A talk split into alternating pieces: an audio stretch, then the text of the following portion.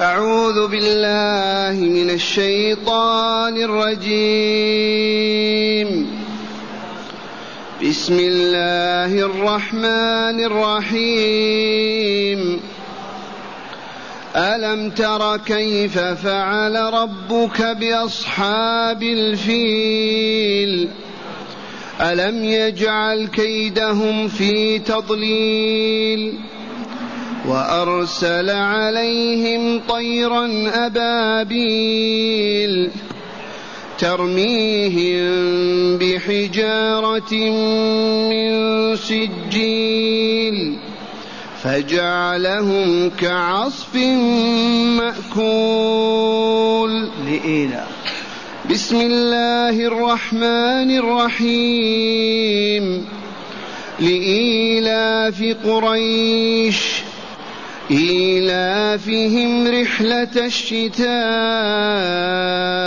والصيف فليعبدوا رب هذا البيت الذي أطعمهم من جوع وآمنهم من خوف.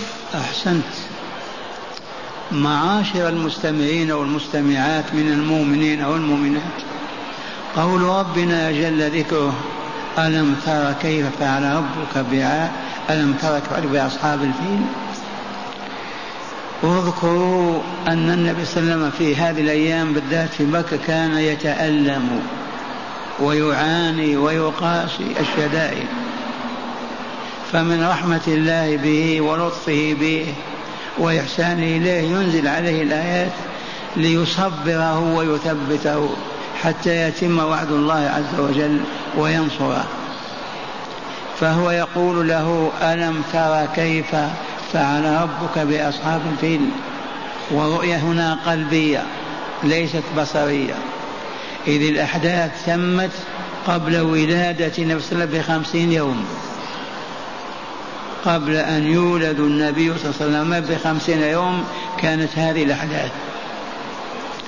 وهذه الأحداث كما يلي اليمن اليمن يحكمه الأحباش.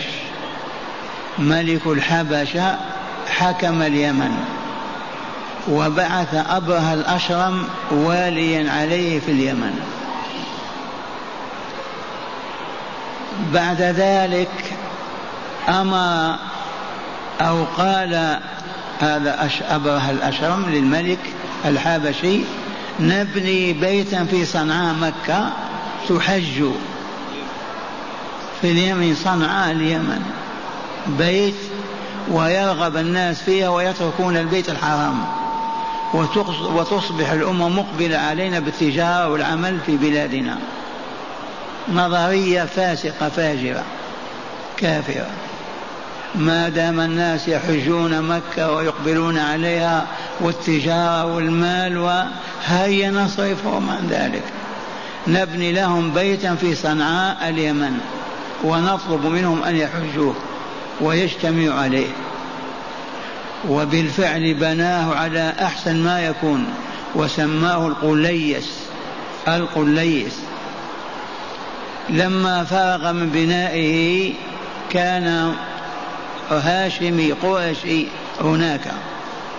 فجاء إلى ذلك البناء وتغوط فيه خرأ فيه ولطخ جدرانه بالخرق والعذيرة ما إن سمع أبرهة الأشرم هذه الحادثة حتى جن جنونه. وكاد أن يتمزق من الغضب. وأمر رجاله بأن يغزوا بلاد العرب مكة. وخرج بثلاثين فيلا. وأعظمها الفيل الذي يسمى محمود. وخرجوا من اليمن. ومشوا. قبل وصولهم إلى عرفة تمت اتصالات بين عبد المطلب رئيس مكة وشيخها وبين هذا الأشرم أبرهة نحن جئنا لكذا وكذا. فماذا قال لهم عبد المطلب؟ فقط إبلي التي أخذتموها ردوها علي. وما بعد ذلك فافعلوا ما شئتم. مع العلم أنهم كانوا في طريقهم من اليمن إلى مزدلفة لا يمرون بقبيلة من قبائل العرب إلا ويقاتلونها ويقتلونها. إذ العرب كانوا يدافعون ما استطاعوا لكن ينهزمون لضعفهم فاستجاب لهذا الغرض وأرسل بالإبل التي أخذها وهي لعبد المطلب. ومشى لما وصلوا مز... لما وصلوا وادي المحسر بين مزدلفة ومنى. هذا الوادي الذي إذا مشينا فيه حجاج نسرع. يستحب لنا السرعة فيه. إلى الآن. أيام كنا نمشي على أرجلنا. يستحب لمن مشى فيه من مزدلفة إلى أن يسرع. لأنه مكان أهلك الله فيه تلك الأمة الطاغية الفاجرة. لما وصلت جيوشهم هذا المكان أرسل الله تعالى عليهم طيرا أبابيل. جماعات جماعات. شوهدوا يخرجون من البحر. رأى هذا الذين كانوا على جبال مكة. وأرسلوا عليهم على كل واحد ثلاثة حجارة. حجرة كالعدسة أو كالحمصة. والطائر يحمل واحدة بفمه واثنتين بيديه برجليه. وما يوصلون تلك الحجر على أحد حتى يتحلل ويذوب. ذوبان يتفتت لحمه.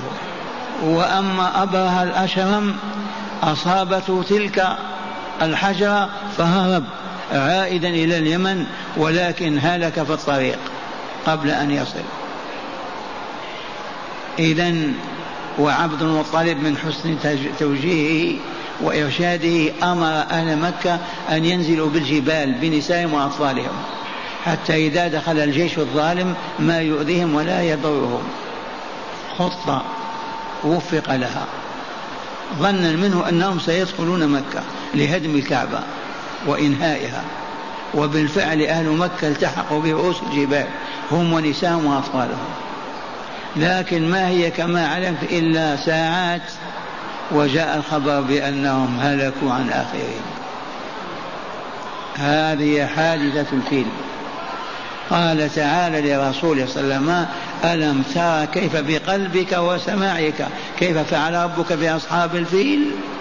ألم يجعل كيدهم في تضليل؟ إي والله. كيدهم ومكرهم أين هو؟ ضل خسر خسروا كل شيء وأذلهم الله عز وجل. إذا فاصبر يا رسولنا وتحمل ما تعانيه فسوف ينزل بقومك ما نزل بأبره وجيشه. وتحمل. ألم ترى كيف فعل ربك بأصحاب الفيل؟ ألم يجعل كيدهم في تضليل؟ بلى. فأرسل عليهم طيرا أبابيل. أرسل عليهم طير فرق من الطير. جماعات جماعات تحمل ثلاث أحجار لكل طائرة. يطلقون على العسكري الجندي فيذوب ذوبانا. حجارة من سجيل. الأصل سجين ولكن قرئ سجيل وهو كذلك وهو واد في جهنم. هذه الحجارة من واد في جهنم. أتى الله بها. وأرسل هذا الجيش من الطيور من الطير. ترميهم بحجارة من سجيل. فكيف جعلهم؟ فجعلهم كعصف مأكول. الزرع الذي تدخله الغنم تأكله وتحطمه.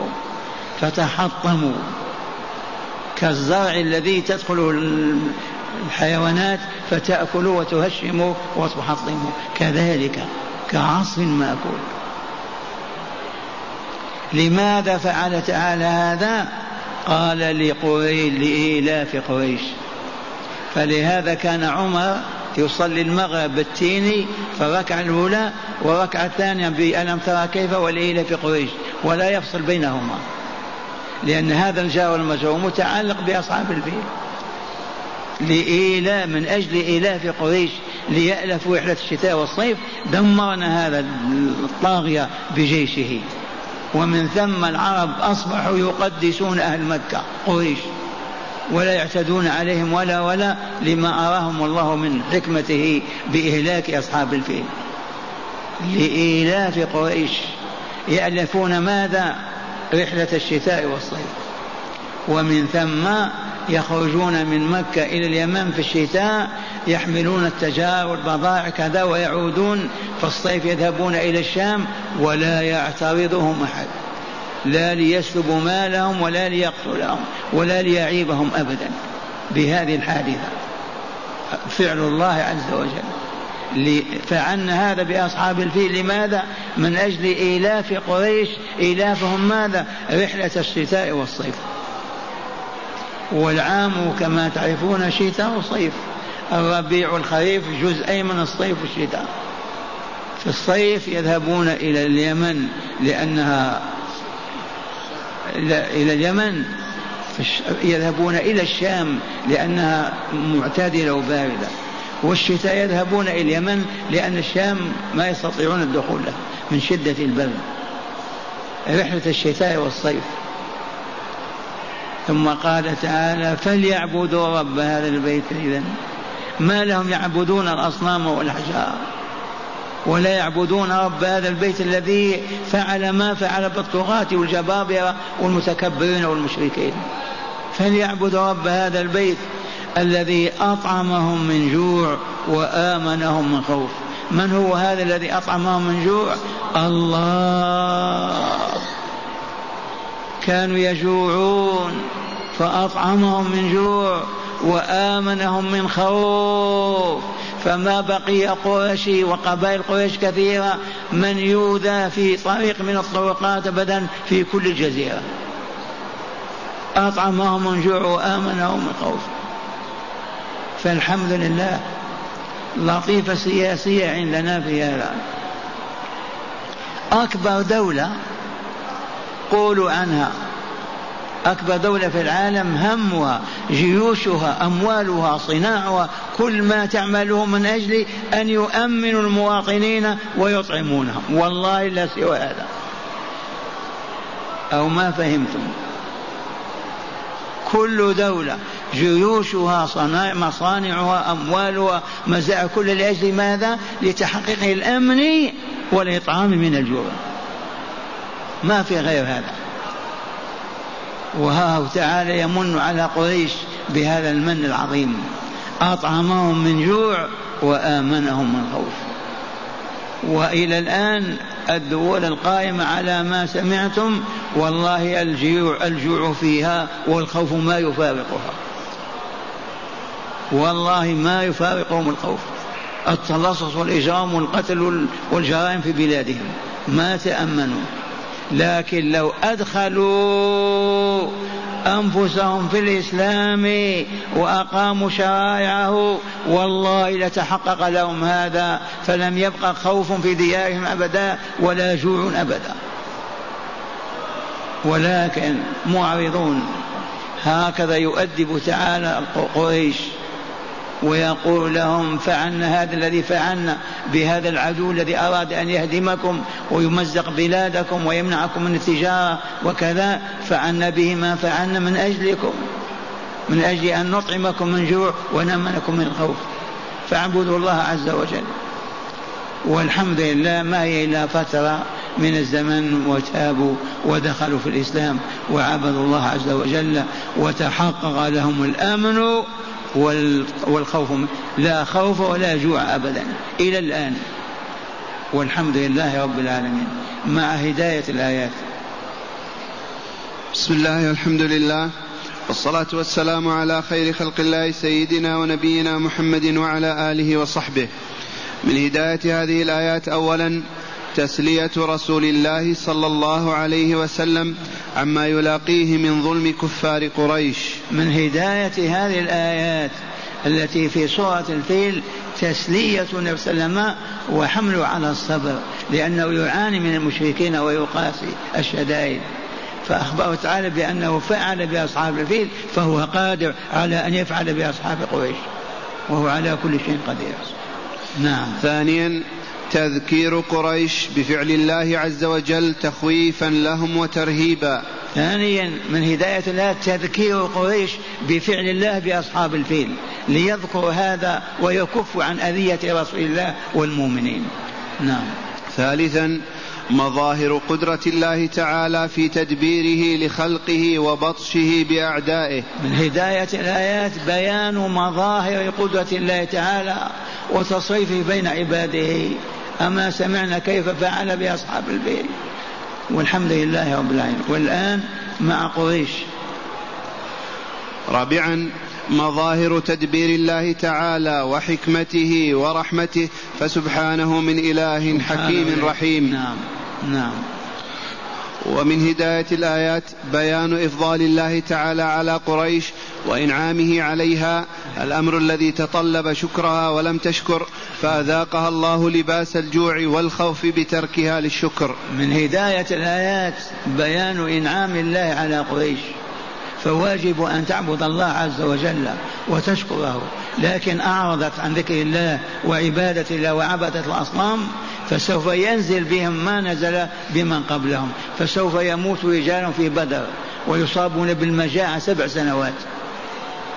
وفعل الله هذا. نعم. ومن هداية هذه الآيات وجوب عبادة الله تعالى وترك عبادة من سواه. من هداية الآيات وجوب عبادة الله تعالى وحده وترك عبادة من سواه عز وجل. فلا يعبد ملك مقرب ولا نبي مرسل فضلا عن الأشجار والأحجار والأهواء والشهوات. خالق كل شيء ورب كل شيء هو الله هو الذي يجب أن يعبد ولا يعبد سواه. ومن عبد غير الله ظلم ومصيره جهنم والعياذ بالله. ومن هداية الآيات وجوب الشكر على النعم وشكرها حمدا لله تعالى عليها والثناء عليه بها وصرفها في مرضاته. من هداية الآيات وجوب شكر الله على النعمة التي ينعم بها على عبده. أيما مؤمن ولا مؤمن ينعم الله عليه بنعمة الأمن. من الخوف بنعمة الطعام والشراب وعمد على الجوع إلا ويجب عليه أن يشكر الله بقلبه ولسانه يشكر بعبادته وطاعته يشكر بذكره مقابل ما أنعم به عليه. والله إننا لفي نعمة عظيمة أمن وطعام ومع هذا قل الشاكرون بيننا. ونكثر فقط من الحديث والكلام والمرائي الممقوتة والعياذ بالله. فهيا نتوب إلى الله ونكثر من كلمة الحمد لله الحمد لله ولا نترك المساجد بيوت الله ولا نقبل على تلفاز ولا على شاشة ولا على باطل ولا أغاني ولا مزامير ولكن نقضي يومنا وليلتنا في عبادة ربنا. شكرا له على آلائه وإفضاله وإنعامه. وأخيرا الإطعام من الجوع والتأمين من الخوف عليهما مدار كامل أجهزة الدولة. فأرقى الدول اليوم وقبل اليوم لم تستطع أن تحقق لشعوبها هاتين النعمتين نعمة العيش الرغد والأمن التام. كما قلت لكم نعمة الأمن من الخوف ونعمة الأمن من الجوع كل الدول تعمل بجيوشها بمصانعها على تحقيق هذا. والله ما تحقق لها. لا بريطانيا ولا أمريكا ولا الصين ولا اليابان. الظلم والاعتداء والفسق والفجور بينهم والجوع أيضا. متى يتحقق الأمن إذا أقيمت دولة الإسلام وعبد الرحمن وحده وطبق شرعه وحينئذ والله لا يتحقق الأمن فلا يخاف المؤمن في بيته ولا في طريقه ولا في سفره أبدا ولا يجوع أبدا لأن الله تكفل بهذا. فما علينا إلا أن نؤمن ونحقق إيماننا بعبادة ربنا وذكره وشكره والآن نستمع إلى آيات مجودة. أعوذ بالله من الشيطان الرجيم. بسم الله الرحمن الرحيم. ألم تر كيف فعل ربك بأصحاب الفيل؟ ألم يجعل كيدهم في تضليل؟ فعل. وأرسل عليهم طيرا أبابيل ترميهم بحجارة من سجيل فجعلهم كعصف مأكول. بسم الله الرحمن الرحيم. لإيلاف قريش إيلافهم رحلة الشتاء والصيف فليعبدوا رب هذا البيت الذي أطعمهم من جوع وآمنهم من خوف. أحسنت. فهمتم ما قلت لكم. أن عمر كان إذا صلى المغرب يقرأ بالتين في الأولى وبالفيل وقريش ولا يفصل بينهما. لما علم أن ليلة في قريش هذا الجار المجرور متعلق بقوله ألم ترى كيف فعل ربك أصحاب البيت؟ كأنها صورة واحدة.